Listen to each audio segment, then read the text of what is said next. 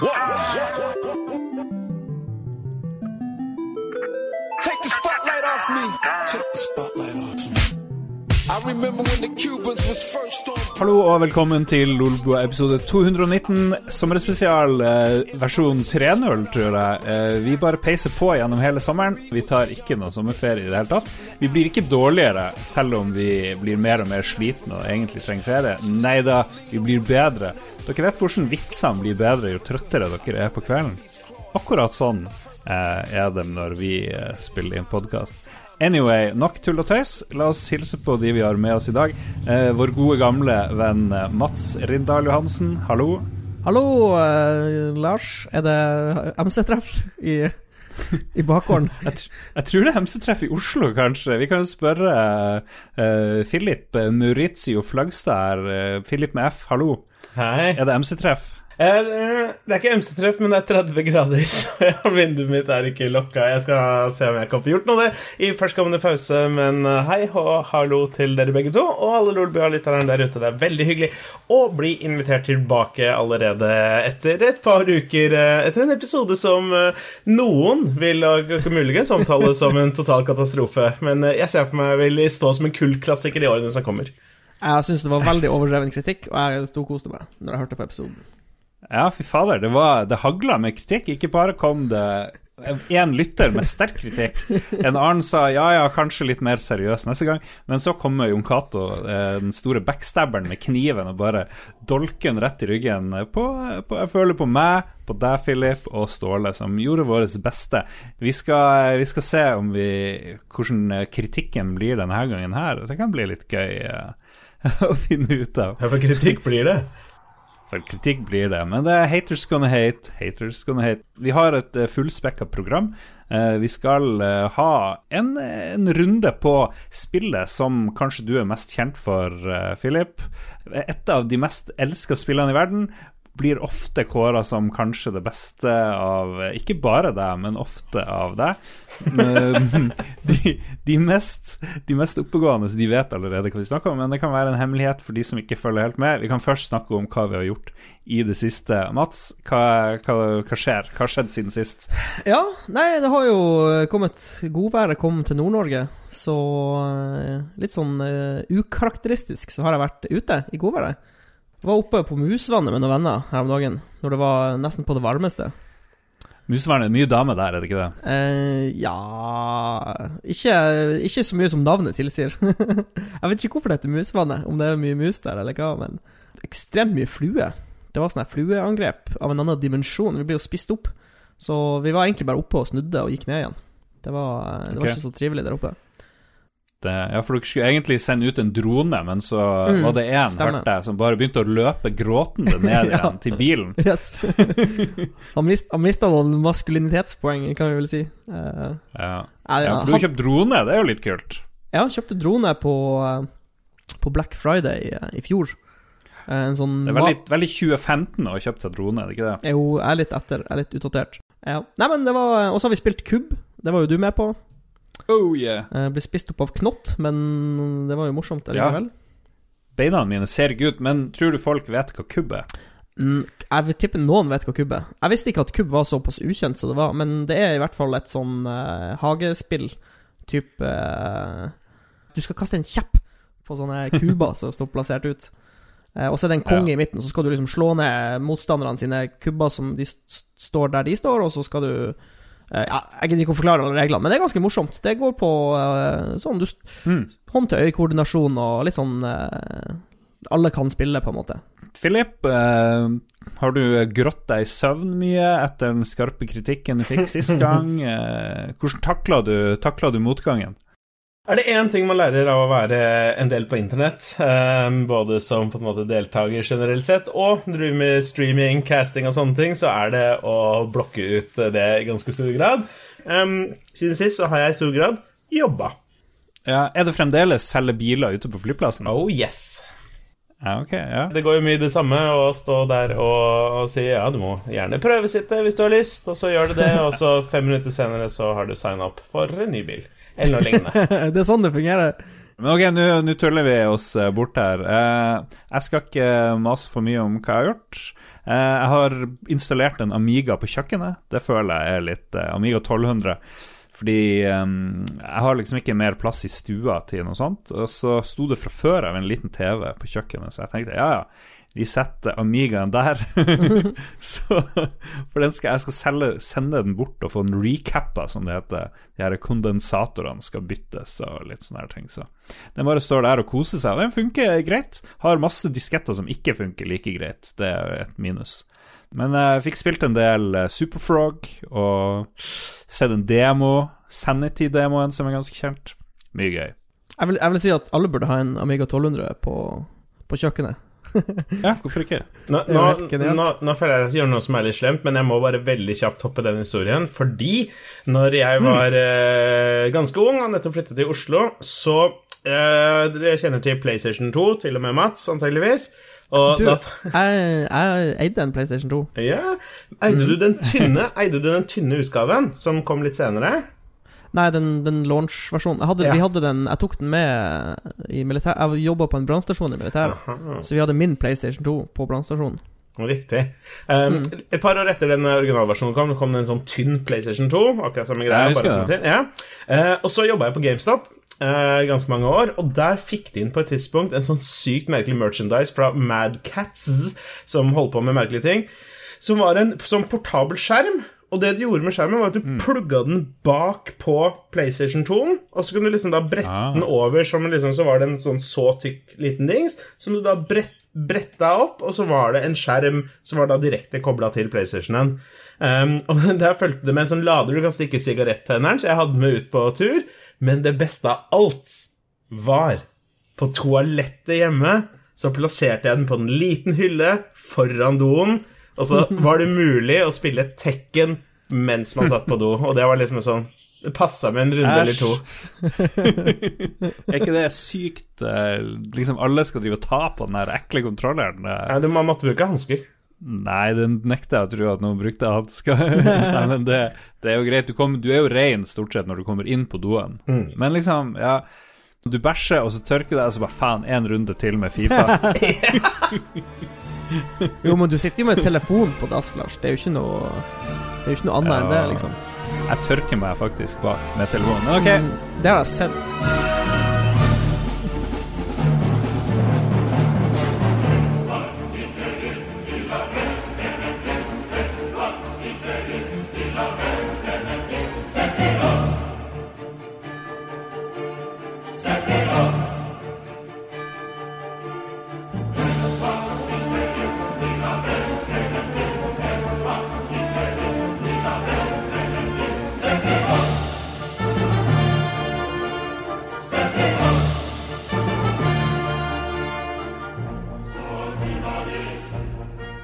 Vi er tilbake.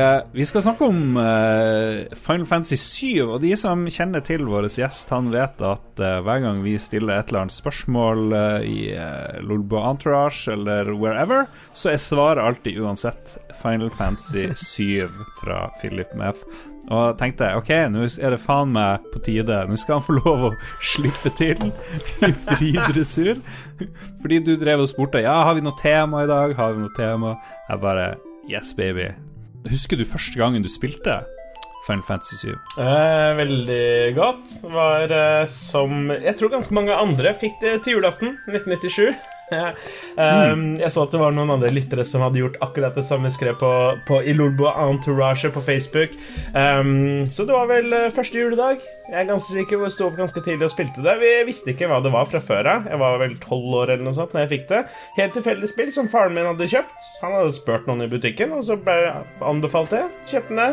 Og det viste seg tilfeldigvis å være tidenes objektivt sett beste spill. Kult. Eh, kjøpte du det, Mats? Hadde du PlayStation 1 og fikk uh, det? nei, altså um, jeg, har, jeg har vært borti Final Fantasy 7. Jeg har nesten på en måte spilt gjennom Final Fantasy 7, fordi jeg hadde aldri PlayStation 1. Uh, jeg, har Mm. bare hatt, jeg har hatt PlayStation 2, 3 og 4, men ikke PlayStation 1. Men dere hadde Ja. PlayStation 1. Og lillebror din, han Fredrik, eh, han spilte mye Final Fantasy 7, husker jeg. For dere, eller sånn, Mm. Begge dere spilte jo selvfølgelig. Men jeg og han spilte stort sett gjennom Final Fantasy 7, men det var han som spilte. Ja. Jeg var som han Han eh, i familien som ikke fikk lov til å spille, men så på. Ja. Så jeg liksom Jeg har sett på en person gå gjennom Final Fantasy 7, mer eller mindre. Jeg har sett, jeg har sett starten, jeg har sett mye av midten, og så har jeg sett sånn det som skjer helt på slutten, på en måte. Jeg er ganske sikker på at det er mange som kan gjenkjenne seg i den. Vi gjorde akkurat det samme hjemme hos oss. Eh, Jeg er storebror, så hadde vi lillebror, og jeg spilte alt det viktige, og så kunne han spille alt det som ikke var viktig. Eh, Men eh, alle satt og fulgte med, og etter hvert Det ble en sånn helt Det hjalp selvfølgelig rundt mine som føl, veldig sterke følelser for Fantasy 7. Det ble en sånn greie i vennegjengen. Alle syntes det var kult.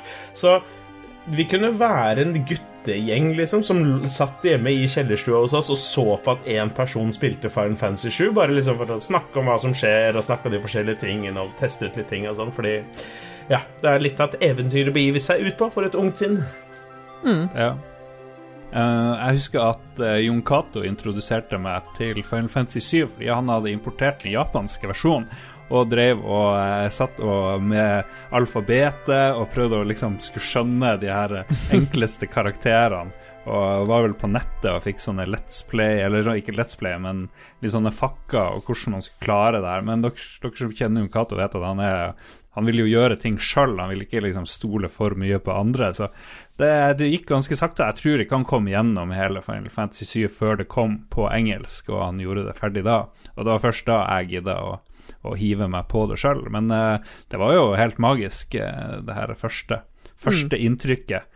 Um, husker du hva det var liksom som imponerte deg, Philip, med, med spillet da det kom? Eh, det er flere det, det er så mye ting, da. Jeg har liksom forsøkt å på en måte forberede meg litt på å notere liksom, hva er det som gjør det så bra. Mm. Fordi det er liksom Det er så vanskelig å For den lista er grei, men det er vanskelig å si hva det var som liksom tok meg først. Eh, grafikken Ja. i seg selv er jo ikke nødvendigvis utrolig imponerende, altså liksom in game. Eller den er ikke det i det hele tatt, selv på, i 1997.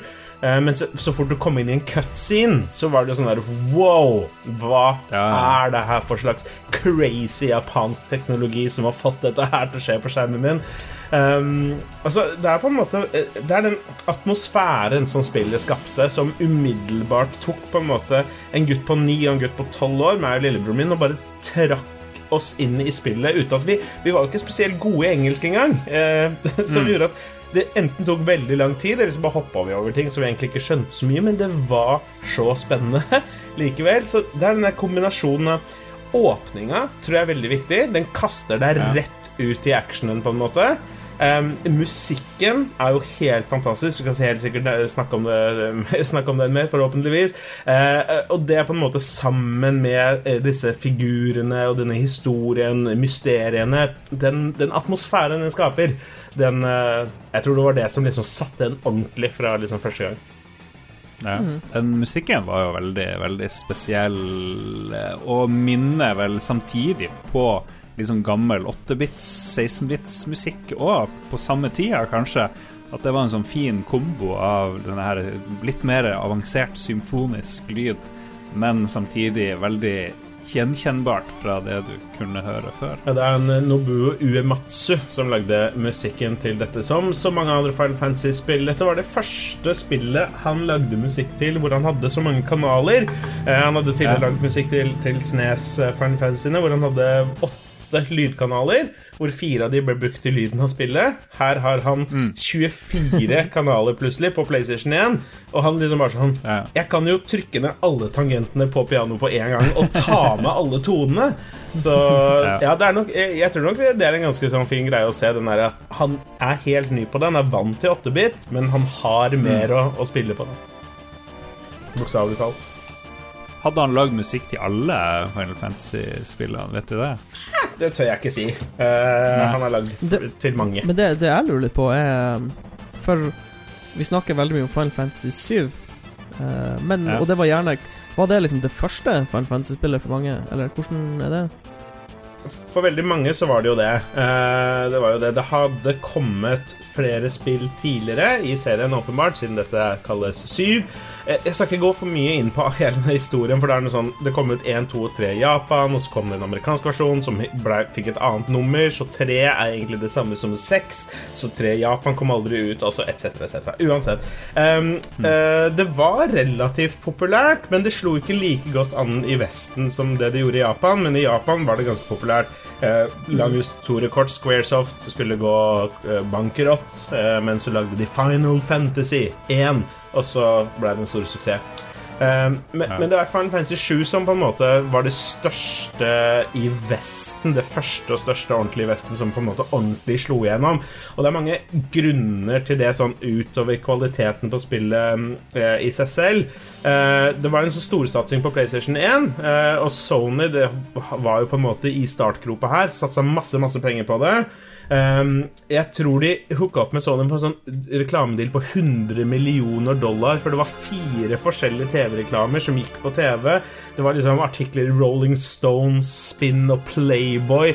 Pepsi lagde en egen Fun Fancy Shoe-relatert sånn holiday-reklame. Og eh, ja, det var, det var, utrolig mye push eh, bak det, eh, og det kombinert med at spillet var såpass godt, gjorde jo at, at det fikk en veldig sånn ja, spesiell stilling i Vesten.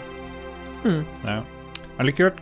Den som driver og klikker masse med musa, må gjøre det mer rolig og stille, for det irriterer vettet av meg. Sikkert noen lyttere. det er sikkert mange som ikke har spilt Final Fantasy 7, eller som kanskje har glemt litt. Um, hva, skal vi si litt om handlinga? hva hva det, handler om. Jeg husker starten har jeg liksom spilt ganske mange ganger, fordi jeg har liksom tenkt nå skal jeg spille det på nytt. Eh, fordi jeg har kjøpt det om igjen og om igjen. By the way, hvor mange kopier av Final Fantasy 7 tror du du har på ulike plattformer? Uh, ja, nei, det har jo blitt noen. Jeg kjøpte originalspillet to-tre ganger. Etter hvert liksom CD-ene ble skrapa opp og sånne ting. Vi slutta jo aldri å spille det spillet. Det var helt idiotisk. Vi bare spilte det om og om og om igjen. Um, uh, mm. Og så har jeg, jeg har jo Steam-versjon, jeg har en PlayStation 4-versjon, så jeg har kanskje fem-seks stykker. Uh, ja. Det er ikke noe verre enn det. Ja. ok, ok. Men uh, historien det begynner med en slags infiltrasjon, husker jeg, i hva heter det, en by som heter, som heter Midgard, kanskje, eller noe sånt. Mm. Ja de drar inn i en sånn reaktor, ser det ut som, eller en sånn fabrikk. Verdens største fabrikk. Jeg vet ikke hva de lager, eller hva de gjør der. Eh, eller jo, nu, det, det, det, husker jeg vel kanskje. Men eh, og der kommer han Cloud, og så kanskje en fyr som heter Barrett, er det han heter, mm -hmm. pluss en dude til. Og så, og så, husker jeg ikke så sykt mye mer liksom, fra starten av spillet. Jeg husker det der med, med toget, det er jo liksom ikonisk eh, når, det, når, Cloud og gjengen skal hoppe på stikke av på et tog hvor det er kombinasjon liksom full motion video og 3D-figurer driver og springer, og det er liksom felles eh, opplegg. Det, det er stilig. Men, men så, så, så, mye mer husker jeg ikke, liksom. Eh, så langt var jo alt helt korrekt, eh, så jeg, jeg syns du skal få poeng for det, egentlig. Eh, men å, det, det, er jo så stort, det er så mye å forklare. Men det er et japansk rollespill satt i en type steampunk, semi-nåtidssetting, i stedet for den typiske fantasy-settingen som, som JRPG-er gjerne, gjerne, var i. Ja, og vi følger den hovedpersonen Claude som skal gjøre et oppdrag sammen med en terroristorganisasjon hvor dere skal sprenge en reaktor. Etter hvert som dere da sprenger den og følger opp historien, skal sprenge den neste, ting begynner å gå galt, og så begynner på en måte med spørsmålstegn å dukke opp, som man på en måte blir å følge opp. Og selvfølgelig, etter hvert mm. ender det jo med at jorda må reddes fra en veldig slem fyr. Ja, ja. Han Sefirot. Yes, det er det. Helje Helje. Hadde en kompis, uh, husker du han Daniel, uh, Mats? Ja, ja. Han var lunatic etter, uh, etter Final Fantasy 7. Så ble han så flink med de her materiegreiene. Du kan putte sånne krystaller eller noe sånt i våpnene. Og hvis du gjør det rett, så blir du bare sånn her sykt overpowered. Så det var tydeligvis ikke noe Jeg husker jeg sleit litt med det spillet. Jeg er jo ikke den som gjør mest research og prøver å minmakse mest, men men hvis du vil, så kan du liksom breeze gjennom ting. Stemmer det? Ja, eller? det gjør det. Eh, det, er, eh, det, er, masse triks i dette spillet, både med materia som denne der, og på en måte å utnytte spesifikke helters eh, styrker. Vi skal snakke litt om speedruns og sånn senere, men da er det gjerne denne figuren Tifa som relativt tidlig kan få et våpen som gjør at hun gjør ekstra mye skade hvis hun er på lav helse, og ekstra, ekstra mye skade hvis hun har en spesiell status. Gi henne den, og så ja, kan hun på en måte carry laget ditt da, gjennom ganske mange bossfighter. Men ja, det er et veldig interessant eh, og unikt system til Final Fantasy 7, dette materia-opplegget. Ja. Er, det, er, det, noen spesiell historie bak utviklinga av eh, Final Fantasy 7? Jeg tenker uh, det, det, det, kunne jo ikke komme til noe spesielt mange andre maskiner enn PlayStation, f.eks. Nei, og det er jo den velkjente historien om at eh, Final Fantasy var på, var på Nintendo, alt var fint og bra, men så var det en fyr, Yoshinoru Kit Kitasu Kitase, Kitase, eh, som var director på, på Final Fantasy 7. Han satte litt foten ned og sa at neste spill skal være i 3D, full 3D, fordi de lagde en sånn tech-demo av Final Fantasy 6, bla, bla, bla. Uansett, det som skjedde, var at det var en fyr i Nintendo og dette er den fyren dere har å takke for at uh, Nintendo 64 ble en sånn gigantisk superflopp som det den ble. Um, Hiroshi Yamauchi, noe sånt noe. Han satt, sa i hvert fall nei, vi skal bruke cartridges, og så blei han og Square ganske dårlige uvenner, og så begynte han å slenge mye dritt om Square og sånne ting. Uh, men uh, ja, mm. da blei det på, på PlayStation isteden, som da hadde, hadde denne Sony hadde, ja, konsollen som var klar fra Sony, japansk, alt mulig. Um, og henta da inn på en måte, ja, uh, stjernelaget med, med, Hironobi Sakaguchi, som på en måte er masterminden da, bak mye produsent på spillet. Som han nevnte directoren og, og Uematsu, som selvfølgelig som lagde musikken. Uh, liten fun fact. Det skulle egentlig vært basert ja. sånn, i, i, begynnelsen av utviklinga Skulle vært basert i New York og vært basert som et sånn type detektivspill som jager en type eh, kriminell som har sprengt en by What? som heter Midgard. Um, etter hvert ble alt det mm. scrappa, og det spillet ble senere til Parasite Eve, som kom ut på samme konsoll litt seinere. Mats, hva du, hva du lurer på om uh, Final Fantasy 7 og Final Fantasy? Nei Har du, uh, har du spilt noe? Hvor mange av de Final Fantasy-spillene har du spilt? Du er jo Pluss at du er sånn MMO-dude, og det har kommet en par MMO uh, Final Fantasy. Har du prøvd noen av de? Nei, jeg har ikke det. Men uh, jeg tror Final Fantasy Jeg vet ikke hvilket nummer engang. Det er MMO-versjonen. 11 og 14? Ja, 14 Ja, det er vel 14 Var det 14 de måtte lansere på nytt igjen? Mm. For det var så mye A Realm Reborn. Ja. Realm Reborn, ja, det har jeg sett litt på. Jeg har faktisk hatt, uh, hatt lyst til å prøve det etter Realm Reborn kom, for det har vært så mye skryt av det. Men jeg spiller, jeg spiller jo ikke så mye MMO-er lenger, det tar jo så lang tid.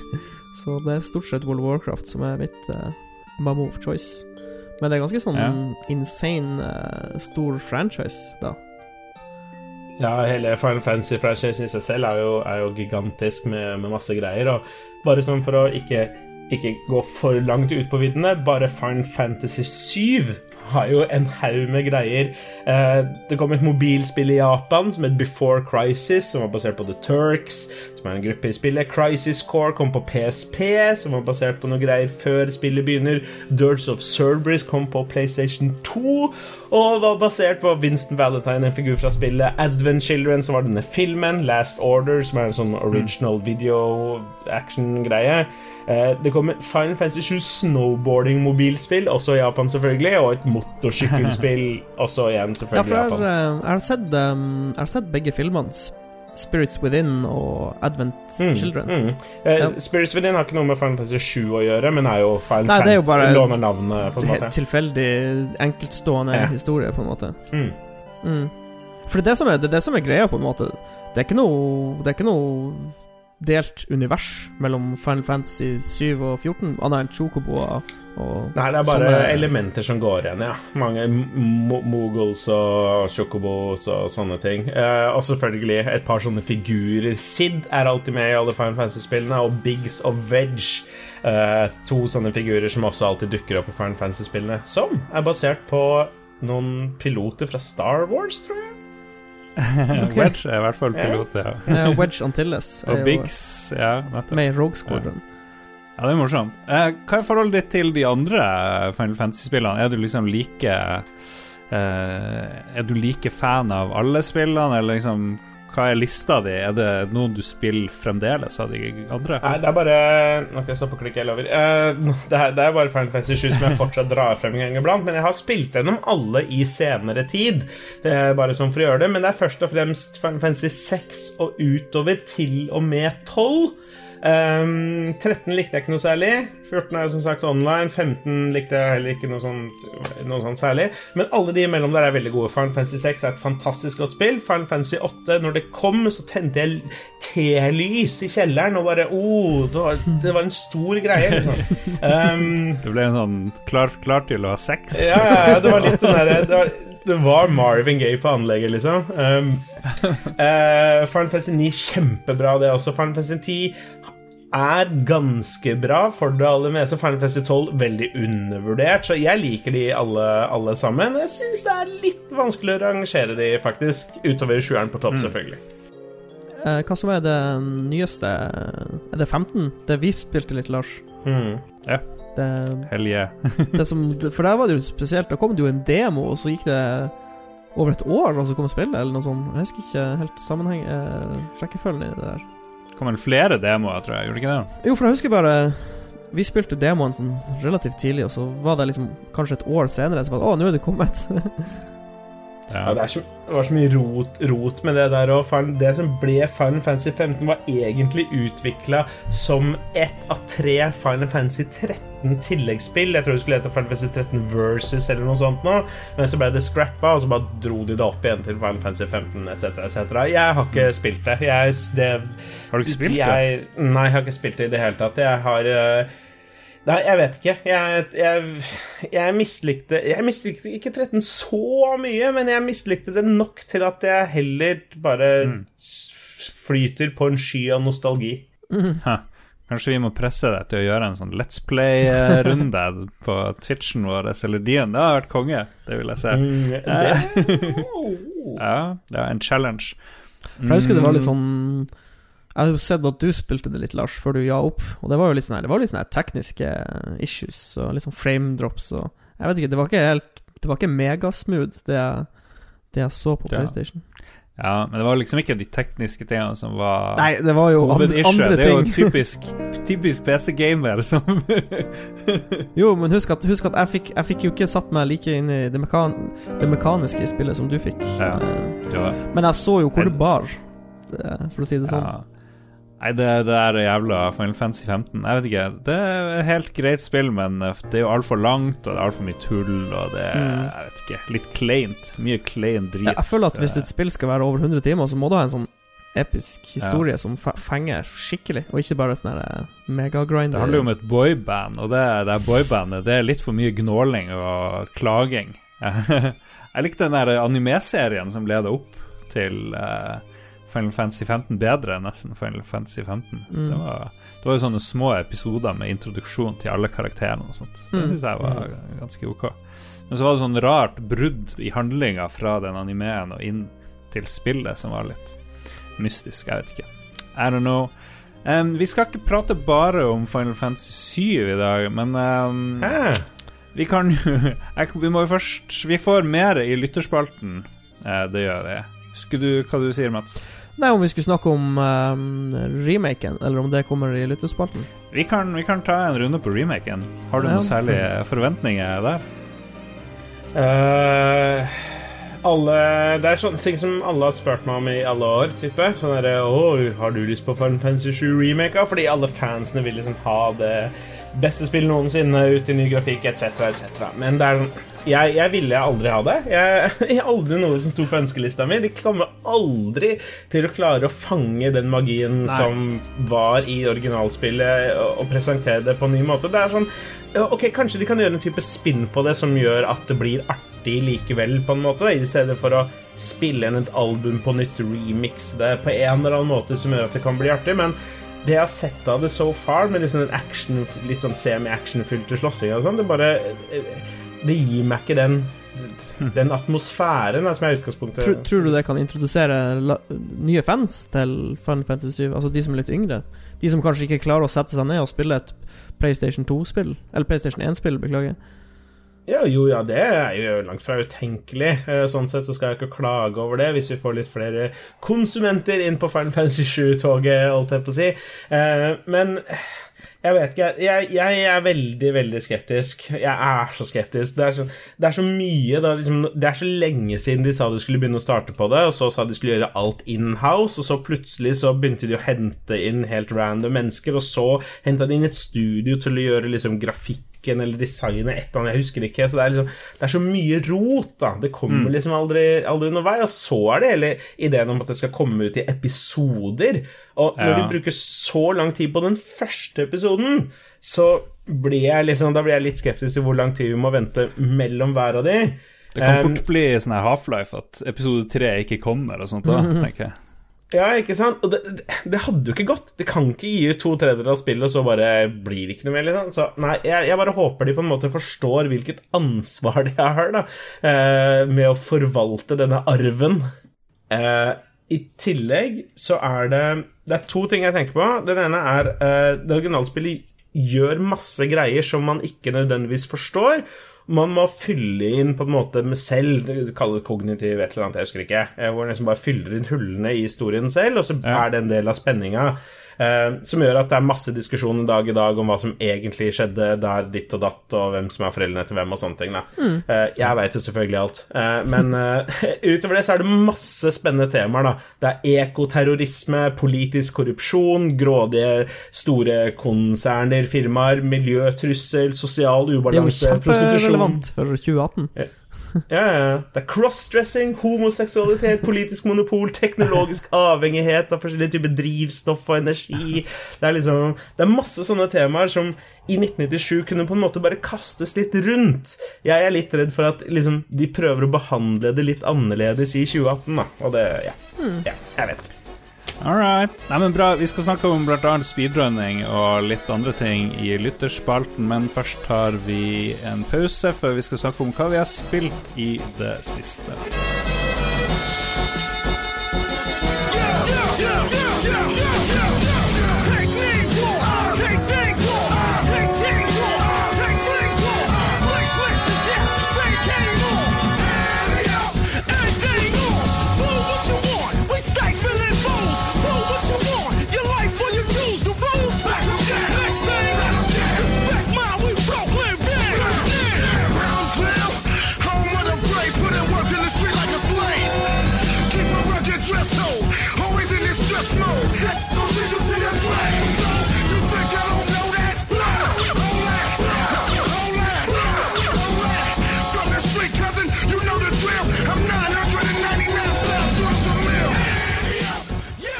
Hva har vi spilt i det siste? Det må vi finne ut av som vanlig. Um, jeg kan ta og starte. Jeg har spilt uh, det nye Square-spillet. De som står bak Final Fantasy. Octopath Traveler. Um, kan vi først høre om noen av dere som har testa det? Nei. Ikke jeg heller, men det spud-navnet ser jeg overalt for tida. At det liksom skal Ja. være the shit. Ja, det, det har fått en del hype. Jeg vet ikke helt eh, om det fortjener det på alle måter. Sånn rent visuelt og lydmessig så er det ganske awesome. Men hvis du går til eh, stemmeskuespill og ren dialog og handling og sånt, så er det litt eh, fucking weird. Det må jeg si. Eh, Jeg har bare spilt 1,5 av de her introene. Det er åtte introer. Okto er jo åtte, og liksom okay. Octopath det er liksom åtte historier. Du kan samle inn eh, eh, Du står fritt til å samle inn så mange av de her heltene som du vil, men spillet legger jo veldig opp til at du skal, du skal liksom først kjøre i gang med én karakter, og så skal du gå, bruke den til å finne andre karakterer. Jeg begynte med hun her som jobber på en sånn uteplass og driver og danser og virker å være litt sånn halvprostituert. Hennes unike historie er at uh, familien er drept av tre karer med uh, crows-tattoos, sånne kråketatoveringer. Eller ravnekråketatoveringer, blir det vel. Og eh, hun har funnet ut at den beste måten å, å spore dem opp, er å være på samme plass hele tida og danse i, eh, på en eh, luguber plass og vente på at de kommer dit. Og så kommer de til slutt, og så blir det en liten eh, hule du må utforske, og en bossfight, og så er det ferdig. Eh, akkurat samme opplegget er det for de fleste andre karakterene. En sånn time, halvannen med intro, og så slippes du ut i en åpen verden hvor du kan gjøre stort sett det du vil. Eh, kampsystemet er av den der sorten hvor du kan velge sjøl hvor mange turer du skal ta i runden, men hvis du tar flere turer, så må du vente lengre eh, etter at du har gjort det. Da får fiendene, hvis de overlever, sjansen til å gjøre flere ting. Men ellers så er det helt standard eh, standard JRPG med utstyr og leveling og alt det der, og finne kiste på kartet, ikke sant. Det er litt gøy. Jeg liker å finne kiste. Du bare går rundt på kartet, og så ser du der oppe er det en kiste. Hvordan i Jesus skal jeg komme meg dit? Kanskje det er noe skikkelig awesome eh, der som jeg trenger. Så det, det er litt fett. Hvordan plattform var det her på, sa du? PC? Ja, Switch. Eh, jeg spiller det på Switch, men jeg tror det er oh. på PC òg, kanskje. Dårlig research. Dårlig research, det skal vi finne Jeg ut av. tror bare per dags dato så er det på Switch. Men ikke okay. siter meg på det. Jeg kan Jeg skal sitere deg på det. Eh, Det som gjør det litt spennende, det er også den derre stilen som er eh, De gjør noe med dybdeskarpheter. De gjør sånn som dere vet, de som tar bilder av byer, så er bare en del i fokus, og det ser ut som alt er sånne miniatyrer. Ja, det kalles, det, som, eh, det kalles tilt shift, den Ja, det er eh, mye teknikken. tilt shift. Mm. Altså, det, vi kan nå bekrefte at uh, Octopath Traveler er en Switch exclusive. Ja. Uh. Ja. Den her tilt-shift-effekten er ganske kul. I tillegg så er det satt opp som en scene i et, et slags dukkeskuespill eller et eller annet. Du ser liksom veggene er satt bak, og det er liksom ikke nødvendigvis noe bak der. Det er mer satt opp som en scene med litt sånn 3D-isometrisk feeling feeling det på det ser- hele. ser, Veldig eh, unik. Det ser veldig kult ut på bildene. Litt sånn, ja, Ja, unik, absolutt. unik look. Hvis du aldri har lest en historie før, så vil jeg si at det her virker veldig bra, men hvis du har lest mer enn Donald Duck, så virker det ganske platt og dritaktig, Så mye av er den blitt, du, historien. du er ikke blitt grepet av historien, kan vi Nei, si. den virker ganske shit enn så lenge, men noen av historiene skal visstnok være bedre enn andre, så Men er, det, er, de, er de helt isolert, de åtte historiene, på en måte? Det virker sånn. Virker sånn på meg. Det, det du, du, Den ene har nødvendigvis ing, absolutt ingenting Men, eh, men spill, spiller, du, spiller du det helt ferdig med den ene personen, og så går du over til en annen, eller er det sånn at du blir å fortsette å spille med den personen senere? Vet du noe om det? Mm, Ja, på kartet så får du se hvordan level questene er, og det virker som om at du bør egentlig Du kan sikkert gjøre hva du vil, men jeg tror ikke du klarer det. Mm. Eller noen klarer det selvfølgelig, men jeg gidder ikke å slite. Og du må jo sikkert grinde noe helt sinnssykt for å komme opp i bra nok level for å kunne gjøre all soloer med én karakter før du går videre, mm. tenker jeg. Ja, jeg skal, jeg skal komme tilbake senere, men uh, de som er patrions og er brevvenn med Jon Cato, de har allerede fått et brev om det her spillet på søndag, så de bør eh, åpne e-posten sin og sjekke det hvis de ikke har gjort det.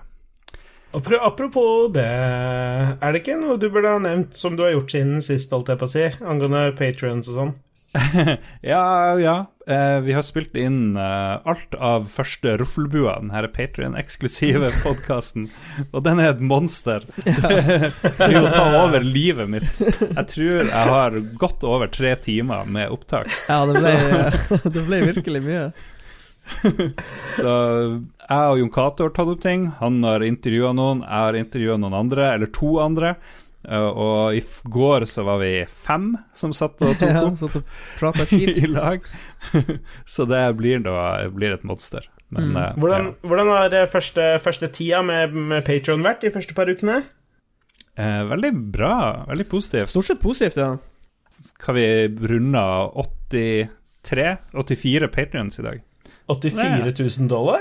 Det er, gan- Ja. det er ganske bra månedsinntekt for Lulebø. Det er veldig bra. Nei, 84 patrions, 84 mennesker som har lyst til å støtte oss. Så, men målet er selvfølgelig 84 000 dollar. Det høres veldig bra ut. Da er det goodbye, goodbye Norway, hello Thailand. Eh, så, skal vi, skal vi streame, Yeah, streame fra Da kan vi faktisk Da kan vi bokstavelig talt åpne lolbua i Thailand. ja. Og Lars streamer fra Pattaya Beach. Men nå er det jo varmere i Oslo enn i Thailand, da, så jeg vet ikke. Flytte ned til kulden. Ok, da fikk vi en uh, oppdatering der òg. Mats, eh, hva Ja. du har Nei, det er det som er um, har vært, Det har vært veldig sånn travelt. Det har vært mye ute, og det har skjedd ting på kveldene, og vi har spilt rollespill. Så jeg har ikke spilt så mye Mm. dataspill i det siste, det siste uka, men um, jeg har spilt litt, uh, litt uh, gode, gamle PubG. Um, vi fortsetter å spille Nå spiller, spiller vi eksklusivt på det nye kartet som heter Sandhook. Det lille, det lille Mm. tropiske kartet som, som bare er fire ganger fire kilometer i stedet for åtte ganger åtte. Og jeg må si at Hva du eh, kalte det der, spillet her? Hva du kalte det? Nei, det heter Sandhook, det nye kartet. Å ja. Nei, men jeg tenkte selve spillet. Hva det heter. Å ja, det er Player Unknowns Battlegrounds. Eller, Aldri hørt om. eller PUBG, Aldri hørt om. PUBG, som vi eh, veteranene sier. Det, det er liksom Angry Birds. ja. Nei da. Det, um, det er utrolig moro. Men det eneste er at um, det nye kartet, som er ganske mye mindre, endrer veldig på, uh, på den dynamikken. Fordi det er jo en sånn sone du må unngå å stå i, for du dør hvis du ikke eh, hvis du ikke kommer deg Mm. på rett plass, på en måte. Og siden kartet er mye mindre, så er det ganske mye lettere å komme seg fra, i trygghet, på en måte. Så jeg føler at det nye kartet har ødelagt litt for de to gamle kartene, som er dobbelt så stor, eller over dobbelt så Ja. stor, siden de er åtte ganger åtte. Kan de bare krympe ned de gamle kartene, tror du? Det er folk som har kommet med forslag om at eh, når runden starter, så velger bare spillet en fire ganger fire-firkant av, av kart. Han, han bare velger et område som du spiller på. At du ikke tar hele kartet, Mm. på en måte. Og det er jo en måte å løse det på. Eller så kan de eh, tweake den sirkelen du må springe ifra, eh, sånn at eh, det ikke blir like stress. For på de gamle kartene så må du jo det, det er jo ofte at du trenger en bil eller et kjøretøy for å komme deg i sikkerhet, hvis du er litt seint ute. Ja. Mens på det nye kartet så er det, du kan bare springe, for det er ikke så langt. Så det, det flyter bare veldig bra. Så jeg vil bare Altså, alle som har spilt Player Unknowns Battlegrounds eh, under launch og litt sånn etter, og kanskje ikke har rørt det på en stund, de burde absolutt legge det inn på nytt igjen og prøve det nye kartet. Ja. For det er, det er Han- sinnssykt bra. Han Lolbitbite sier at de gamle kartene er fire ganger så store, så det er jo bare å dele dem opp i fire. ja. ja, det er jo åtte ganger åtte mot fire ganger fire, så det blir jo Det blir mye større areal. Men eh, ja, jeg tror jeg Altså, jeg ser for meg sjøl at jeg blir å spille det spillet der eh, helt til det kommer et annet Battle Royale militær Altså Milsim Battle Royale-spill som kan utfordre. For de har litt issues. De har litt tekniske issues. Det er, det er litt sånn her eh, Av og til så er det skikkelig sånn dårlig connection til serverne, og så, er det, så føler du at du dør på grunn av at du har en teknisk eh, bakdel, på en måte, mot han du slåss mot. en, en ting der som jeg vil bare catche kjapt. Hva var det du kalte mil, milsik, mil, mil, mil, mil, mil, Mil, Milsim. Milfsim? Ja, det er mi- Mil, Mil, MIL, for militært, og Sim for simulator. Ja, ok. Eh, Det er, det er en betegnelse som brukes om eh, skytespill som armer, og de som er litt mer sånn tekniske Ja, riktig. Ja, fordi at jeg har på en måte bare sett på PubG som et, som et som et Battle Royale-greie, holdt jeg på å si. Jeg så egentlig ikke for meg at det var liksom Eller du, det maker jo sense når du sier det, jeg har jo sett de forskjellige versjonene. Fordi eh, av disse Battle Royale-spillene så er Jeg har ikke liksom blitt noe særlig hekta på noen av dem, men jeg har spilt ett av de en del. Eh, og det er noe som heter Darwin Project. Eh, Og det er et av de 400 000 Battle Royale-spillene som har dukka opp i kjølvannet av, av disse suksessene. Men det er litt sånn annerledes igjen. Uh, men, Ja. men igjen, der, det faller nok ikke under den Milsim-greia, siden der er det sånn mye sånn items som power-ups-type ting og sånn, da. Mm, Jeg har sett litt på Ja. Darwin Project. Det, det er sånn typisk Fortnite eh, Mer Fortnite enn eh, enn PubG. For du har For det, for det første, med, stort sett med en gang du har tredjepersonsvinkel, uh, så er det ikke Milsim. Darwin Project er litt, er litt annerledes sånn sett, for at man gjemmer seg ikke bak vegger noe særlig. på å si. Eh, Det er, liksom, det er en litt sånn spesiell greie. Ja, det er soner og sånne ting, men det er ikke så mye liksom bygninger. Det er liksom en skog, og så må du i stedet for å bygge vegger og sånn, så bygger du på en måte Du bygger et bål for å holde deg varm. Du kan deg en liten, lage deg en liten pels for å holde varmen lenger, og så etter hvert power-ups, skjold og sånne den type ting, da. Eh, og så er det hele tiden en sånn game master som følger med ovenifra, og han kan på en måte Hvis dere sitter og spiller jeg Gamemaster, så kan jeg liksom Å, Lars, å, nå skal jeg sette ut en bounty på Lars, og alle får ekstra bonus hvis de dreper han, eller jeg kan gi han en speed boost, og liksom bare slippe sånne ting, være litt sånn, litt sånn involvert i spillet, da. Og det er liksom Poenget er at det er liksom inmates som er dømt til døden, og så er det en gamemaster som lager TV-show ut av det, og det er vel ingen andre Battle Royale-spill som har liksom det aspektet? Jeg tipper, ja, Det høres jo veldig ut som de har prøvd å finne en liten sånn nisje eller en liten game mechanic som ingen andre har, og det er jo kjempesmart i det her eh, havet som har blitt Battle Royale. Så er det jo viktig å skille seg litt ut. Eh, så det jeg, har, jeg tror jeg har sett litt på en stream. Det var en av de streamerne som spilte litt eh, Darwin Project, så jeg så litt på det. Men jeg tror ikke jeg fikk med meg der show director-greia da. Oh, ja. Det er kjempegøy. Vi, vi samler elleve stykker. Ti stykker som kastes inn, og så er det den ellevte personen da, som liksom er denne show-directoren og bestemmer hvilke soner som skal skje hva med, og hvor det skal legges ut power-ups og sånne ting. Da. Han ser jo alt. Når du, når du liksom queuer opp med vennene dine, eller kan du spille squad på en måte der? Kan du spille med en venn, eller er det FFA? Ja, du kan, ja, du kan spille duo. Ok, duo, to og to. Ja, du og to og to, eller så kan du spille ja, sånn som vi spiller liksom custom games, holdt jeg på å si, der hvor vi stilte med alle. Ok, nok Battle Royale. vi vil kun ha Royal er for uh, folk i England. Vi vil ha Battle Republic, som er den nye sjangeren som snart kommer. Men inntil den gangen, Philip, hva du har lyst til å anbefale av spill? Eh, er det anbefaling, eller hva Nei, jeg det er ikke anbefaling. Beklager, det er hva du har spilt i det siste. Ja, ok, Jeg kan ha nevnt Darwin Project, siden vi allerede har snakka litt Ja. om det. Uh, ja. så, så jeg sier det, men jeg har også lyst til å nevne veldig kjapt at eh, Heroes Lounge-sesongen har begynt. Uh, det vil si det er verdens største Heroes of the Storm amatørliga som jeg uh, er med og arrangerer. Og ikke minst caster for, så nå har den sesongen begynt igjen. Så de, de har vel casta en jeg vet ikke, sju-åtte serier denne uka her. Eh, som er best, best av tre på Ja, best av tre serier. Kjem, kjempeartig å være tilbake, tilbake med det. det. Hvor mange timer caster du i uka? Kommer an på hvor mye jeg har tid til. Enkelt og greit. Hvor mye jeg, eller ikke hvor mye jeg orker, for jeg har alltid et sånn ekstra batteri som jeg bare kan liksom skru på, og så går det helt greit. Eh, sånn som Dere vil ikke tro at jeg har sovet tre timer i natt, men jeg har det.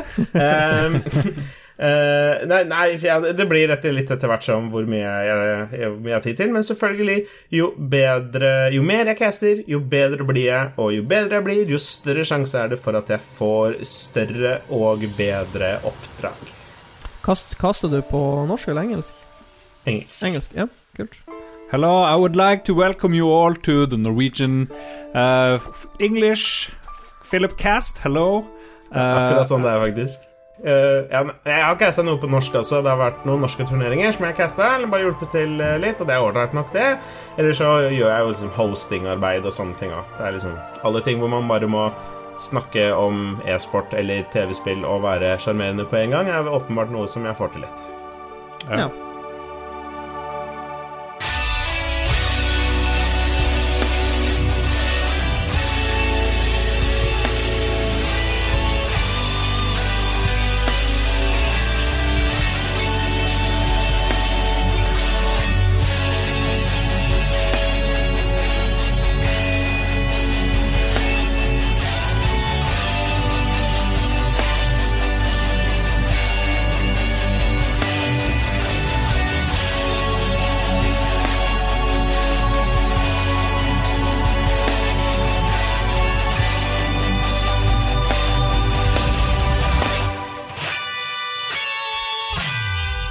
Sist gang eh, Philip var med, så anbefalte han eh, banebrytende nok sex som sin greie i anbefalingsspalten, og det satte i gang en bølge av eh, ting.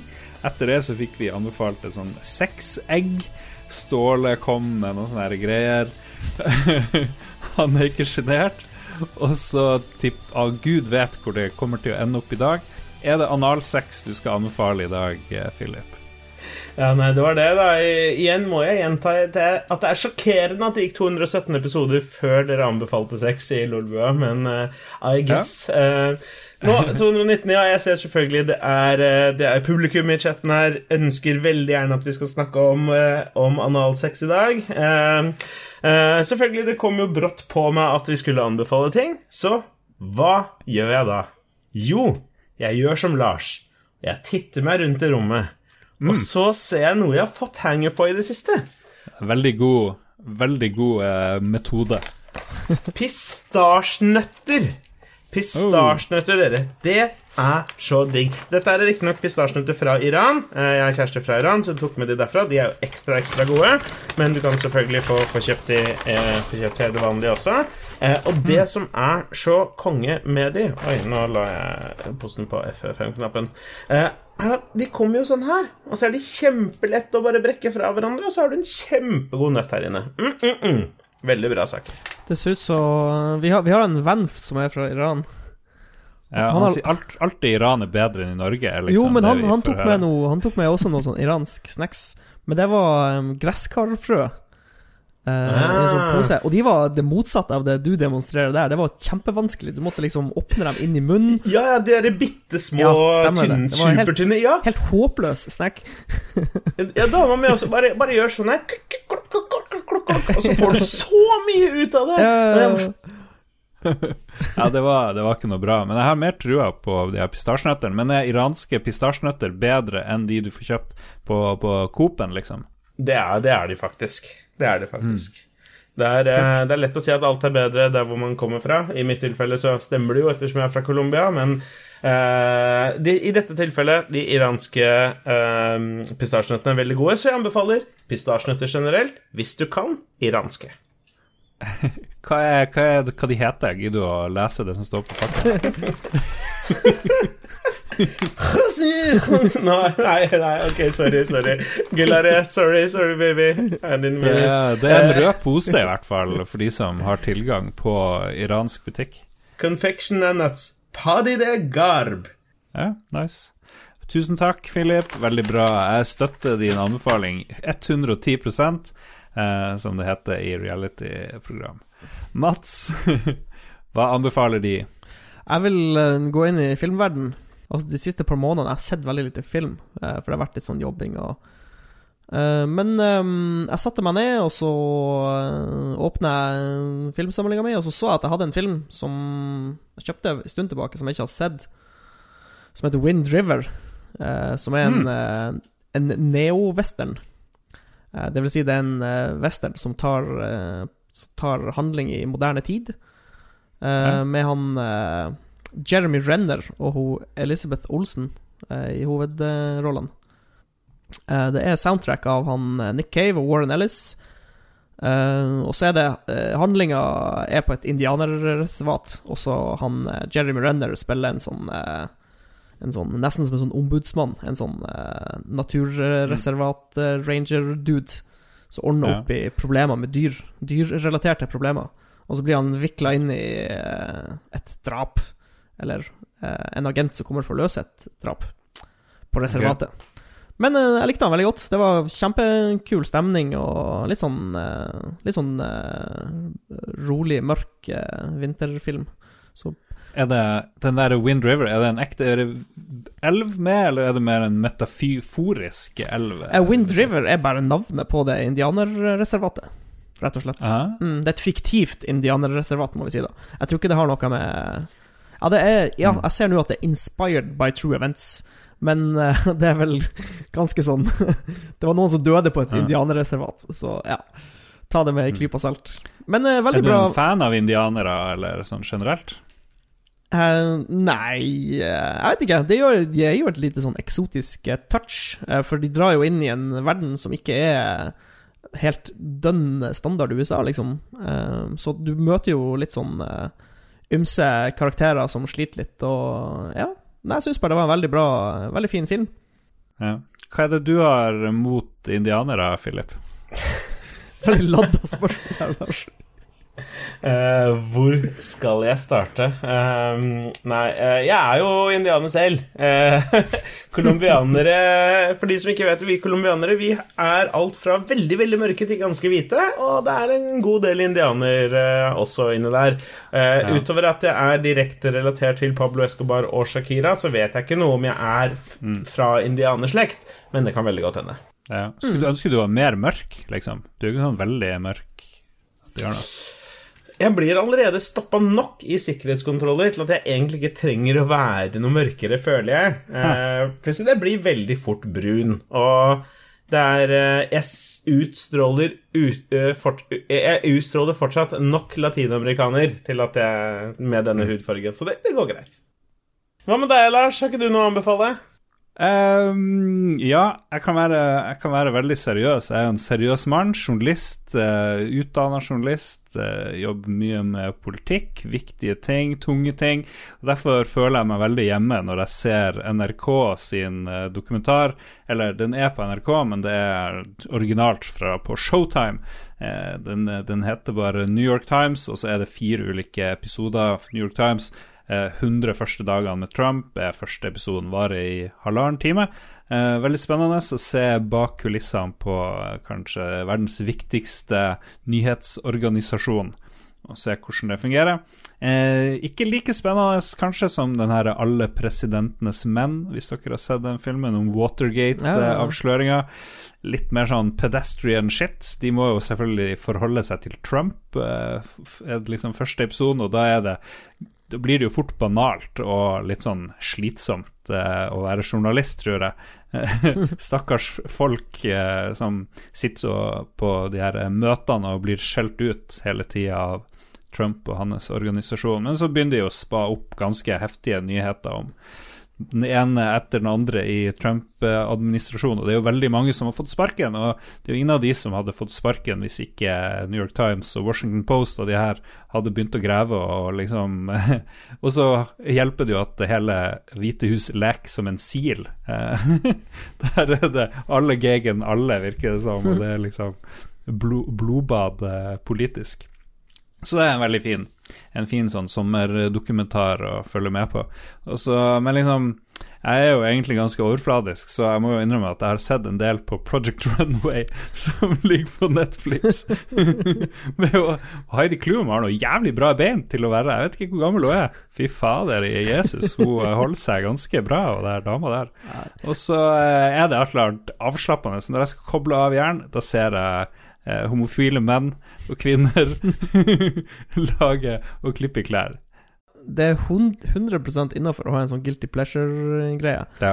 Det var en lang periode hvor jeg hadde Hell's Kitchen, eh, den amerikanske versjonen av Hell's Kitchen. Det var liksom min Mm. guilty pleasure. Det var bare så Ja. morsomt å se Gordon Ramsay skjelle ut eh, Ja. teite amerikanere som ikke kan lage mat. Jeg, ja, akkurat den der ser jeg veldig godt. Den her, eh, jeg føler også på den reality-greia noen ganger. Det er eh, spesielt sånne Hell's Kitchen-greier og sånn. Lager ordentlig sånn amerikansk drama. Men um, angående Project Runaway jeg, jeg har litt større problemer med å svelge den, samtidig som jeg personlig er en ganske stor fan av RuPaul's Drag Race. Har du sett det, Lars? For det, Det tror jeg du er hadde jo programmet ditt, Lars. Nei, jeg har ikke, jeg har ikke sett det, Altså, det jo et- Ok, ja. Lars, Lars, Lars, Lars. Kan du love meg at du sjekker det ut og gi meg en tilbakemelding? Fordi hvis du liker Project Se for deg Project Runway bare mye fetere. Ja, men det, det som er gøy med Project, Project Runway, er at de er kreative og er flinke til å gjøre noe. Jeg vet ikke, hva gjør de her oh, Åh, ba- ok, Drag Race Bare, ok, ok, ok Inviter meg tilbake om et par uker, så skal vi ta en liten oppsummering på, på RuPaul's Drag Race. Men lov meg okay. at du sjekker det ut. Det, Vi sier trenger ikke si mer. Ja. Da er vi ferdig med anbefalinger. Eh, Jeg anbefaler New York Times-dokumentaren på NRK-appen og Project Runway. Mats anbefaler Wind River, mens Philip anbefaler eh, noe iransk eh, atombombesnacks. Eh, eventuelt Hva Pistasjenøtter. det var for noe? Pistasjenøtter. Yes. the delicious pistachio nut. This is a snack that can be described as fiddly and time consuming, but if you have the patience, the effort is well worth it. They're full of energy and bursting with flavour, but where do we get them from? You may not know this, but the world's biggest pistachio producer is Iran. They say money doesn't grow on trees, but this tasty cash crop comes pretty close. Over 2 million people in Iran work in the pistachio business, many of them in the plantations. The autumn harvest produces between 2 and 300,000 tons every year. Vi er tilbake. Vi skal avslutte hele sendinga med lytterspalten. Vi har eh, Det meste handler om Final Fantasy 7. Folk eh, ble veldig gira på, på at eh, Philip skal dukke opp, og at vi skulle snakke om Final Fantasy og Final Fantasy 7. Jeg har spurt hva de syns om spillet og om serien. Og så har vi fått bitte litt annet. Oi, shit, nå glemte jeg noe. I chatten så er det som lurer på hva skjedde med den her drikken jeg har teasa at jeg skal eh, si noe om. Jeg har fått fra en lytter og en venn, uh, Jens Arthur Han mener at vi skal teste sånne her random matvarer. Egentlig så burde jo alle kunne teste det samtidig, eller kontrollteste noe andre tester. Men for en gangs skyld, herrlunga sider vil han gi meg fra Europris. Han har funnet ut at eh, Europris, og han har helt rett i, Europris har det mest avanserte og obskure driten, og mest sånn billige godteri. Og det her jeg kan si jeg har drukket nesten en halv flaske nå, eller prøvd i løpet av sendinga. Eh, Herrljunga sider blåbærsmak. Eh, smak, 26-4% juice. Eh, ufattelig stygg ettersmak. Helt jævlig. Den bare ling Men- lingers. Den er, veldig, den er veldig rød hvis det er blåbær.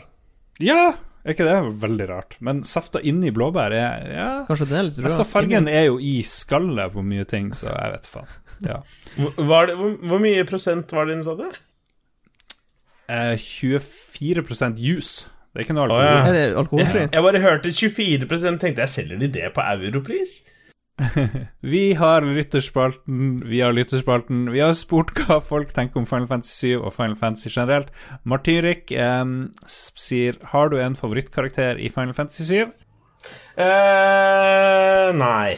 Det er, det er, det er for vanskelig å velge. De har sin sjarm, alle sammen, eh, i, i stor grad. Kanskje Sid. Han røyker Ja. sigg.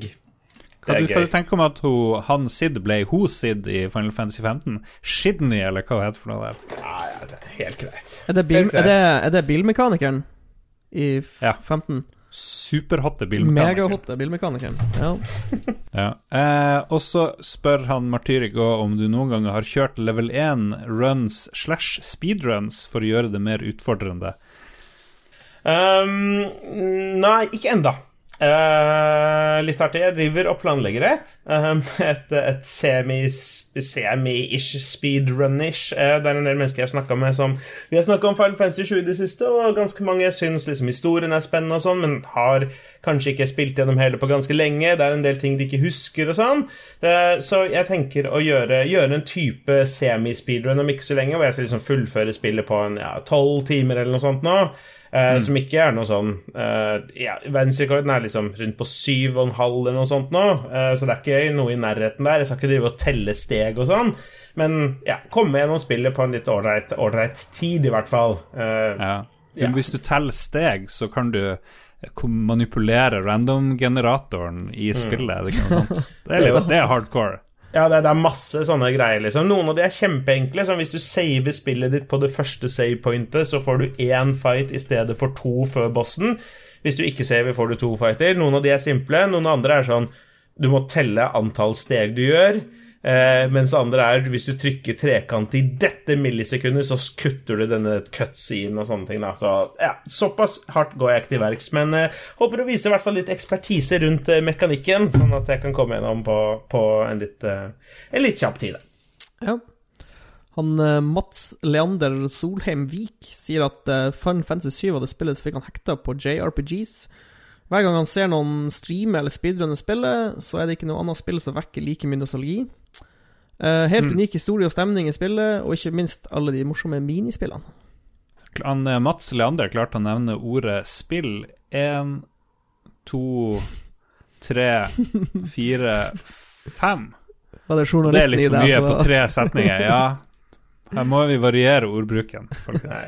Eller, eller, så, eller så, så Han nevner et par minispill. Det var jo en hel haug av minispill i Final Fantasy 7 som på en måte ordentlig skaper liksom enda mer dybde i denne verden, som er veldig morsom. Så der eh, følger jeg deg helt, eh, Mats. eh, og selvfølgelig også Gå på Twitch og bare gå på Final Fantasy 7. Det er alltid folk som driver og spiller det, og det, er, det, ja, det gir alltid et nostalgikick. Og hører jeg lite grann av en av de legendariske låtene Beklager, motorsykkeltreffet. Så går jeg og nynner på den resten av dagen. Jeg gjør jo det. Ja. Eh, er du inne i sendeskjemaet vårt, eh, da kan du ta han, Trond. Ja, en tatovering av Final Fantasy 7-kometen på armen sier vel sitt. Eh, han posta også en link til en artikkel han Trond, som han har skrevet på Spillmuseet angående Final Fantasy 7 og hans opplevelse av det. Eh, ganske hardcore, skal jeg innrømme, å tatovere på seg kometen på, på armen. Eh, så hardcore er ikke jeg engang. Eh, jeg har riktignok tatoveringa til Jin fra Tekken 3 her, men det skal vi ikke gå nærmere inn på. Nei, det er egentlig ikke det. Jo, det er det. Nei, ikke det er det. det, er ikke det. Ikke si til noen! Ok, uansett. Um, så han er åpenbart, eh, åpenbart en, en stor fan. Uh, Det er jo det- en mangel. Hvorfor, har ikke du tatovering? Ja, jeg føler, jeg føler du mangler ei Fan Fantasy 7-tatovering her. eh, hvis eh, Lolbua betaler, skal jeg gjøre det. Oh shit, har vi et nytt stretch goal? ja, hvis du tar det på penis, så skal vi betale. Ingen tvil. Ja, ok. Jeg ser du tenker. Ja, for da får vi plass til hele Final Fantasy 7 og kometen. Så blir det Advent Children hvis det blir ereksjon òg. Ok, neste spørsmål. Uh, Bjarte Rossehaug eh, sier at Final Fantasy 7 er tredje beste Final Fantasy etter 6, parentes 3, uh, og 9. Og han sier han satt konstant en uke inne på rommet og spilte gjennom for eh, 15 år siden. Good times. Og så har han eh, spørsmål til deg. Eh, hva er de topp tre grind-områdene i spillet? Det er vel hvis du skal gå opp i level, eller noe sånt, kanskje? Han tenker. Ja. Um, først uh, både Final Fantasy 6 og Final Fantasy 9 er kjempeflotte spill. Uh, han spør etter tre grind-områder, altså liksom områder i spillet hvor du kan bruke litt tid og bare slåss for å på en måte gå opp level. I, I dette spillet så er det tre ressurser. Det er experience, du går opp i level. AP, som gir magien din, la oss kalle den, denne materiaen som vi snakka om tidligere, gir den ekstra poeng til å gå opp. Og selvfølgelig Gill, som gir deg penger. Ehm, jeg har notert ned tre områder, så nå er det bare til å finne fram penn og papir, alle sammen der hjemme. Først en personlig favoritt. Er vi fortsatt live, forresten? Ja, det er vi. Beklager. En personlig favoritt eh, som er i Midgard. Eh, ganske tidlig. Sektor 6 Slums heter det området. Det er eh, etter at du har redda Aeris, vært med henne hjem, og hun skal følge deg tilbake dit hvor du kommer fra. Det er det området som har et eh, levende hus som fiende. Um, Grunnen til at det er ålreit, er enkelt og greit fordi de gir veldig mye gill per kamp.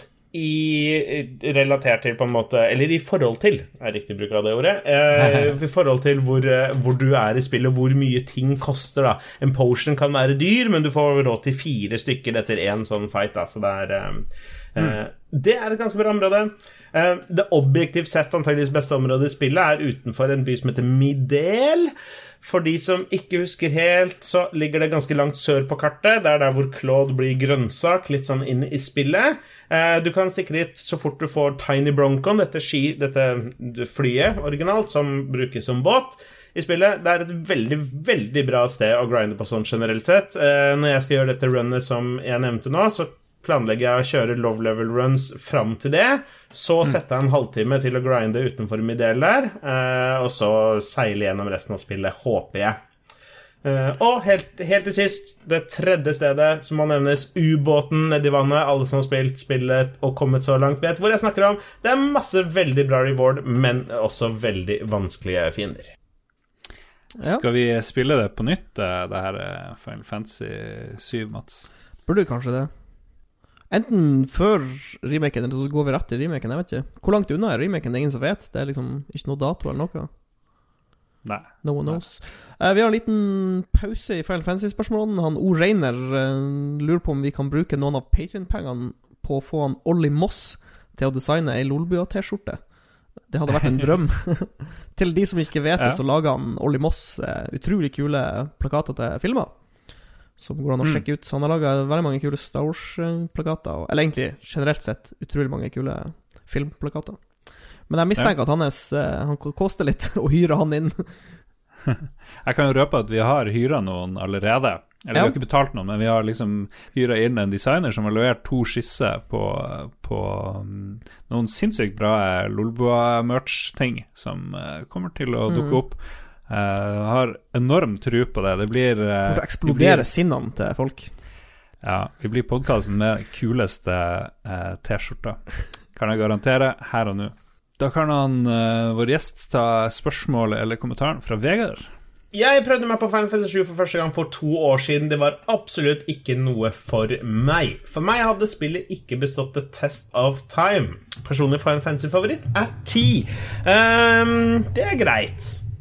Ja. Men hva er det med at folk ikke liker Final Fantasy 10? For det vet jeg er litt sånn hata Nei, er- spill. Det er, eh, det er jo ikke så dårlig, egentlig. Det er et ganske solid spill jevnt over. Det er eh, Det fikk eh, Eller sånn For å ta liksom det som fansen, aka meg, mislikte. Det er noe for lineært. Mye mer lineært enn det vi var vant til. Eh, og så hadde det Først og fremst så er det det det huskes for.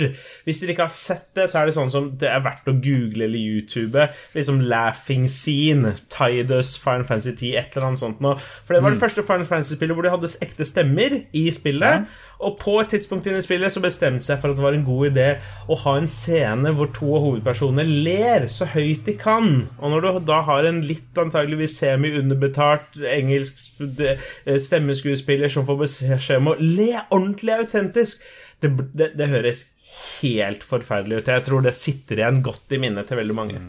Men det er jo, jeg syns jo folk tar feil når de kritiserer den scenen, fordi han driver jo ikke og skal le hjertelig. Han blir jo tvunget til å le av hun være dama. Hun, eh, hva hun heter for noe? Er det noen som husker det? Juna?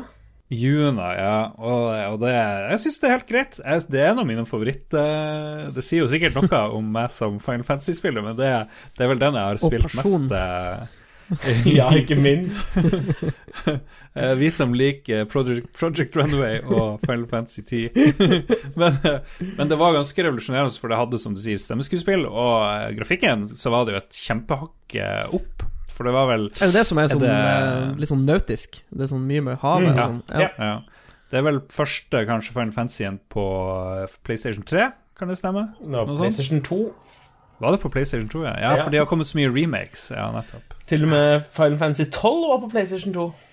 Ja, der ser du. Ikke stol på meg.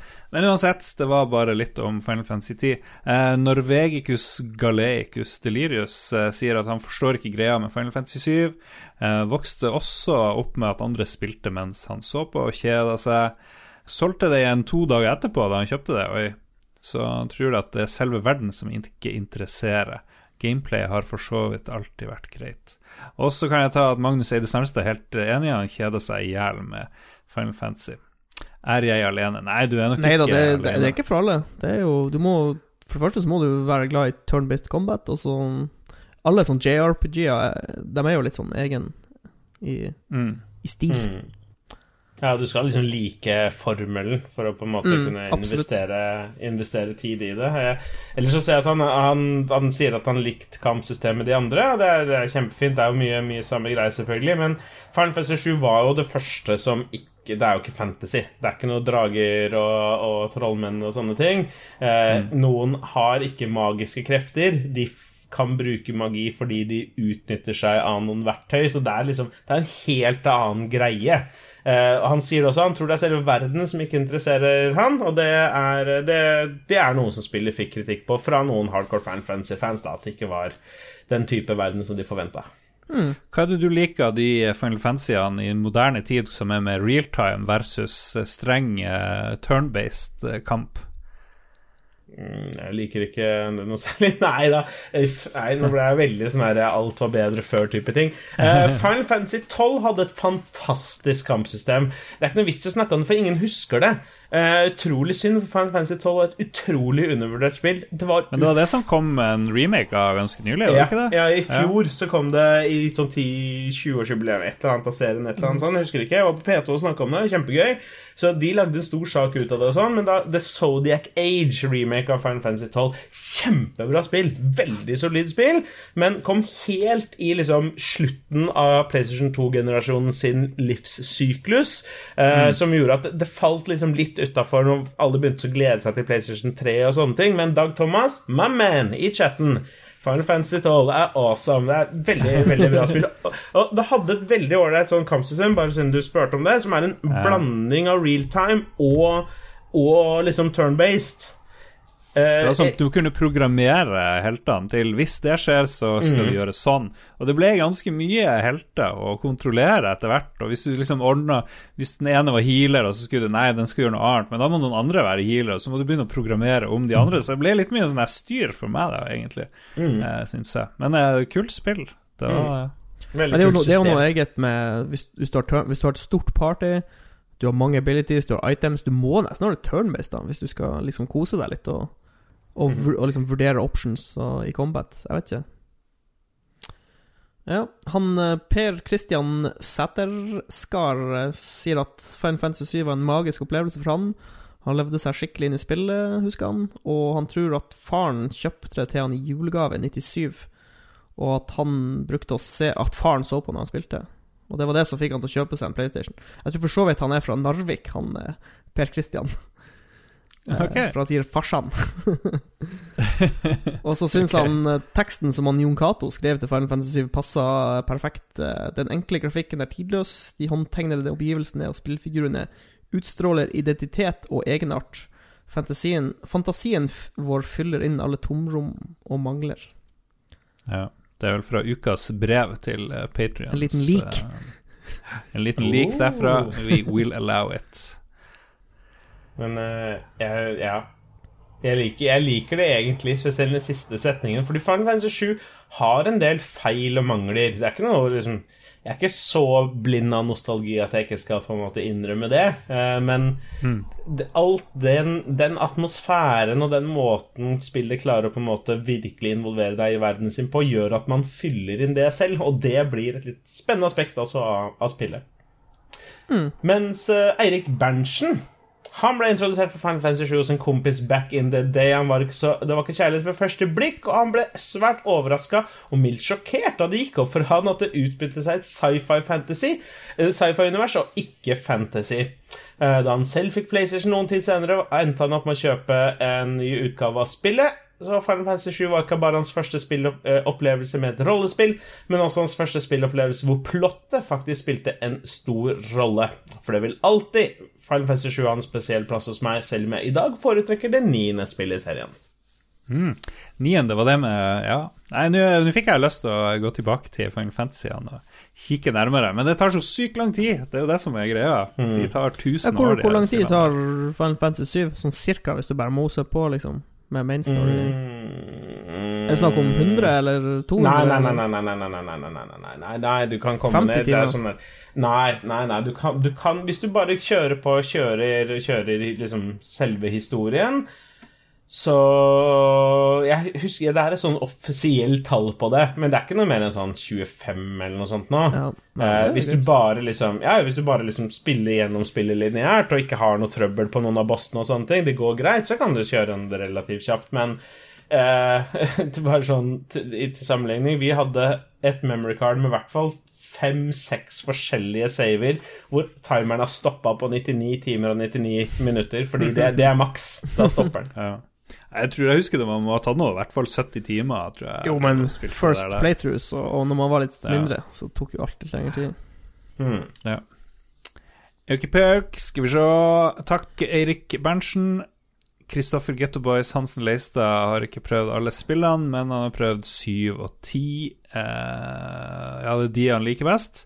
Spørsmål til Philip. Har du noen taktikker du mener fungerer bra i Final Fantasy 7? Fikk aldri helt mestret de materiagreiene. Um, det er eh, Jeg ser at konsensusen er 40 timer lang på Final Fantasy 7. Det syns jeg var veldig langt, for så vidt. Men ja, nei, ja, det er helt sikkert nøyaktig.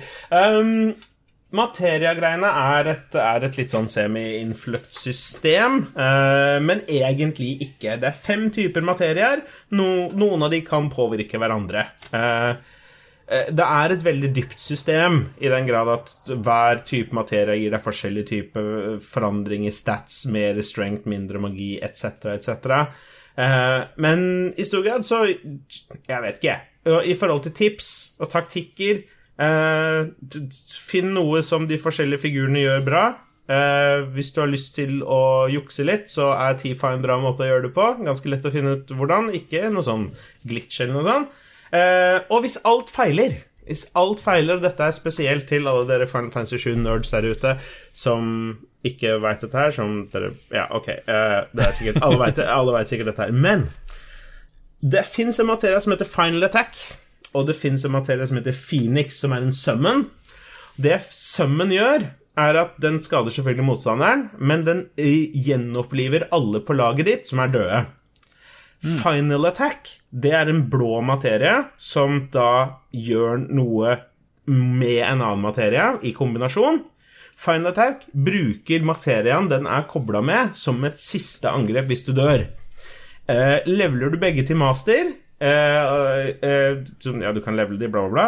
Og har nok MP, så kan du teknisk sett ikke dø. For hver gang du dør, så kaster du Ah. automatisk Phoenix, og da vil du automatisk live opp alle på nytt igjen.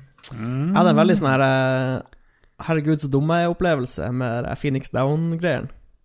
Jeg vet ikke om andre har hatt det. Men for når jeg spilte Final Fantasy da jeg var mindre, så tenkte jeg sånn Phoenix Down så mye at Phoenixen er nede på bakken yeah. og trenger å komme seg opp. Men det er jo da ordet down som i fjær. som i fjæra til en fugl. Fjæra til en phoenix. Ja, samme, samme greie her. Phoenix Down, what? Ok, da er vi tom for eh, lytterspørsmål, og eh, det ser ut som eh, internettet vårt snart er brukt opp, så vi må begynne å tenke på eh, opprønning. Hvordan har det vært? Eh, Tror du vi får bedre kritikk denne gangen, eh, Philip? Ja, det håper jeg. Vi har jo snakka om Final Fantasy 7, og da er det jo ingenting å klage på, tross alt. Eh, så bare, bare sånn avrunde lytterspørsmål, så jeg bare veldig lyst til å si at hvis noen har lyst til å snakke mer om Final Fantasy 7, eller eh, har lyst til å spørre om ting, eller bare diskutere fanteorier, eller lure på hvem Zack egentlig var, eller hvem som egentlig er foreldrene til Aeris, eller om Sephiroth var en ancient, eller noe annet. Eh, Så ja. Tweet meg, eller noe sånt. Ta kontakt er med Philip. ja, ja, jeg synes det er kjempegøy, i hvert fall. Så, så ta gjerne og, Ja. og fortsett med det hvis det er noen som har lyst til det. Men ja, Lars, syns vi klarte oss eh, fint, jeg. Jeg tror nok eh, det hjalp å ha den beroligende stemmen til Mats i bakhodet. Skryt all around. Team Veldig bra. Vi er fornøyd med oss sjøl, fornøyd med lytterne. De har vært bra. Eh, siste spørsmål til deg, Philip. Kunne du tenke deg å jobbe på i Square og lage et, eh, et av de nye Final Fantasyene, eller ville det blitt eh, plagsomt? Du gidder jo ikke å spille 15 engang. uh, nei, det hadde jeg gjort. Han kunne jo, han Philip det. kan jo komme og styre skuta tilbake til rett farvann. ja, og jeg gleder meg til å være også henta inn en så helt tilfeldig norsk fyr. Philip Fløgstad. Ja. Nei, eh, nei, den utfordringen hadde jeg tatt på strak arm, både fordi at nå har jeg jo tatt en master i noe som gjør at jeg ville skjønt noe av hva som foregikk, og faktisk kunne bidra faglig. Eh, Men eh, eh, jeg vet ikke hva det er som gjør at jeg er så skeptisk, men det Jeg føler de har mista litt synet på hva som gjør disse spillene magiske. Hva som gjør at hele den derre Final Fantasy 6 til Final Fantasy 12, alle de spillene sitter så utrolig hardt hos de som har spilt de eh, i tenårene og senere, for den saks skyld, selvfølgelig. Jeg tror de har mista litt oversikten, eller liksom blikket på det. Nå skal det være veldig høyteknologisk, det skal se så bra ut som mulig, det skal være dritfancy, og da er det ikke nødvendigvis veldig interessant. Bra. Mats, har du noen avsluttende ord? Hvor ville du ha jobba og utvikla spill, bortsett fra PubG og de der, Blue, der karene? Nei, um, jeg tror jeg kunne um, Jeg vet i hvert fall hvilken stilling jeg skulle hatt hvis jeg skulle jobbe. Jeg ville vært noe sånn quality assurance-fyr. Som den siste Mm. skansen før spillet slippes ut på markedet. Det, jeg tror jeg kunne Ja. gjort noe der. Jeg føler jeg har ganske bra Ja. nese for Det er helt jævlig jobb. Ikke gjør det. ja. hvis, hvis jeg kunne fått betalt veldig bra og vært han der fyren som bare kunne liksom skyte ned game directoren og bare Nei, nå må du forandre på det, og så sier han ja, ja, ja, ja, og så booker han bort og Du vil være produsent, Mats? Jeg vil være produsent, jeg tror det. Som bare gjør Q&A. Ja, nettopp. Nå syns jeg, nå jeg hører noe musikk her som spiller oss ut, eh, Philip. Hva er det for noe, tror du? Mm, dette er, er en av de finere låtene fra Final Fantasy 7. Der er en remix, og den kan vi nyte godt utover i de uh, varme nattetimer. Eh, Philip med F på Twitter, så følg meg gjerne der. Tusen takk for at jeg fikk lov til å komme tilbake til uh, Tusen takk til både Lars, Mats og alle Lolbø-lytterne for å holde ut med meg noen minutter i dag. Bare hyggelig. Gå inn på vår patrion.com slash lolbua, se om dere har noe dere har lyst til å bidra til å få til der. Finn oss på Facebook og Twitter og på LO og overalt. Eh, dere finner lenker til absolutt alt eh, vi har på www.lolbua.no. Tusen takk for oss. God natt, god morgen, god kveld. Happy hanukka. Vi ses. Ha det. Ha det.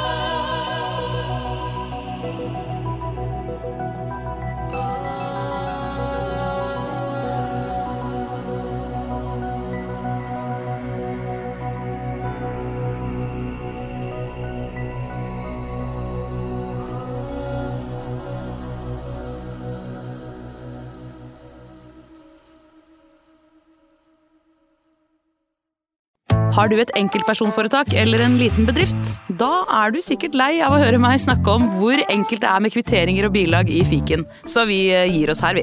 Fordi vi liker enkelt. Fiken superenkelt regnskap.